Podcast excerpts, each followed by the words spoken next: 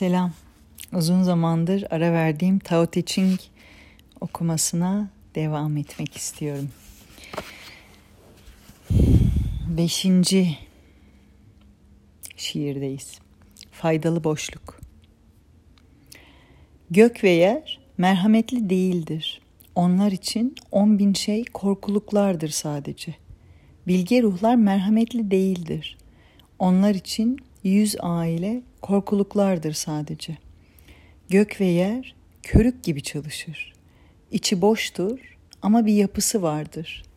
Hareket eder. Verdikçe tükenmez. Burada bilge ruhun merhametli olmadığından, gök ve yerin merhametli olmadığından bahsediyor. Ee, tabii ki bu merhamet insana özgü bir özellik olarak düşünülebilir.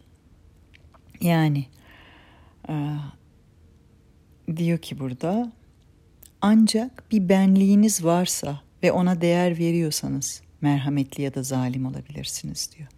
Yani merhametin ya da zulmün de egodan kaynaklandığına dair bir işaret ediyor. Oysa ki benliğin kendisi gök ve yer olarak ortaya çıkan, bilge ruh olarak ortaya çıkan varlık şuurunun yani Tao'nun kendisi e, merhametten ve zulümden azadedir demek istiyor sanırsam. E, yolun takipçileri tıpkı doğanın güçleri gibi kendilerini düşünmeden davranırlar. Çünkü kendinden gayrı bir şey yoksa eğer ki yol öyle olsa gerek e, gayrın yoksa kendin var mıdır diye bir soru sorasım geldi şimdi yani. Bir şey senden gayrı değilse o zaman bütünlüğün sorgulanamaz. Dolayısıyla merhamet ve zulüm gibi ego kaynaklı olduğunu söyleyen hmm, hislere değer olmaz. Neyse fazla yorumladım. Geçiyorum bir sonraki. Altı tamam olan. Vadinin ruhu hiç ölmez. Sır diyelim. Kadın diyelim ona. Sır. Kadının kapısı. Köküdür yerin ve göğün. Ebediyen sürer. Sonsuza dek. Her şeyi rahatça yaparsınız onunla. Hmm, bu ne kadar enteresan değil mi? Yani ismi tamam olan bunun, bütün olan diye de düşünebiliriz. Ve vadinin ruhu hiç ölmez diyor. Sır diyelim, kadın diyelim ona. Peki vadiyle, kadınla sır ne anlama gelir? Sır kadının kapısı, köküdür yerin ve göğün. Ebediyen sürer sonsuza dek her şeyi rahatça yaparsınız onunla. Benim aklıma döngüler geliyor. Yani sır ve yer ve gök ve kadının kapısı denen şey ancak hmm, kadının varoluşunun ve bedeninin döngüleri gibi geliyor bana. Döngüleri ayarsan eğer ebediyen süren de odur tabi spiral. Yaşam ölüm yaşam döngüsü. Ve bunu en çok da kadın deneyimler değil mi bedeninde? Her ay. Hmm.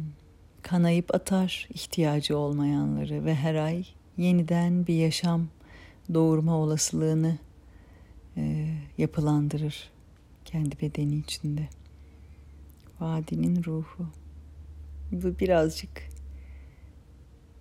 damlaca bir yorum oldu ama zaten başka ne olabilir ki? Değil mi? Devam ediyorum. Yedinci. Soluk pırıltı. Gökler kalır, yer dayanır. Nasıl olur da sürerler bunca zaman? Varlıkları kendi için değil, o yüzden sürüp giderler. O yüzden bilge ruhlar benliği geride bırakır ileri yürürler. Benliği bir yana koyup dengede kalırlar. Neden bırakılsın ki benlik? Ruhun ihtiyacı olan şey kalsın diye. Hmm, bir sürü soru soruyor, içinde de bir sürü cevap veriyor ve kafa karıştırıyor değil mi? Hadi düşünelim beraber ne diyor? Gökler kalır, yer dayanır. Yani bir olan ikilik. Nasıl olur da sürerler bunca zaman? Varlıkları kendileri için değil o yüzden sürüp giderler. Peki varlığı kendisi için olan ne var? Yine ego var işte. Kendilik, kendilik zannetmek. Oysa ki hani bir laf var.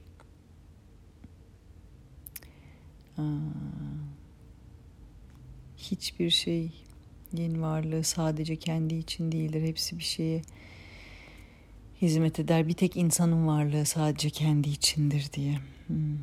O yüzden bilge ruhlar benliği geride bırakır. İleri yürürler. Benliği bir yana koyup dengede kalırlar. Neden bırakılsın ki benlik? Ruhun ihtiyacı olan şey kalsın diye. Ruhun ihtiyacı olan nedir? Birlik hissidir bence. Ruh nedir? Ayrılmaz olan ve şeklimiz, şemalimiz, görüntümüz, giysimiz her ne kadar birbirimizden farklı ve üzerinden kendimizi tanımladığımız işte benlik diyor burada egoyu oluşturan farklara sahip olsa da ruh denen şey nedir? Ruhun ihtiyacı nedir? Ruhun ihtiyacı bütünlüktür olsa olsa. Hmm. Ama bu şiirin adı da soluk pırıltı. Peki soluk pırıltıdan kasıt ne? Allah'ım kafam çok karıştı. Neyse okumaya ve düşünmeye devam ediyorum. Bu son sekizinci. Ah hayır okumayacağım. Sekizinci çünkü tek başına okunmayı hak ediyor. Bekleyin. En sevdiğim. Bir sonraki sefer.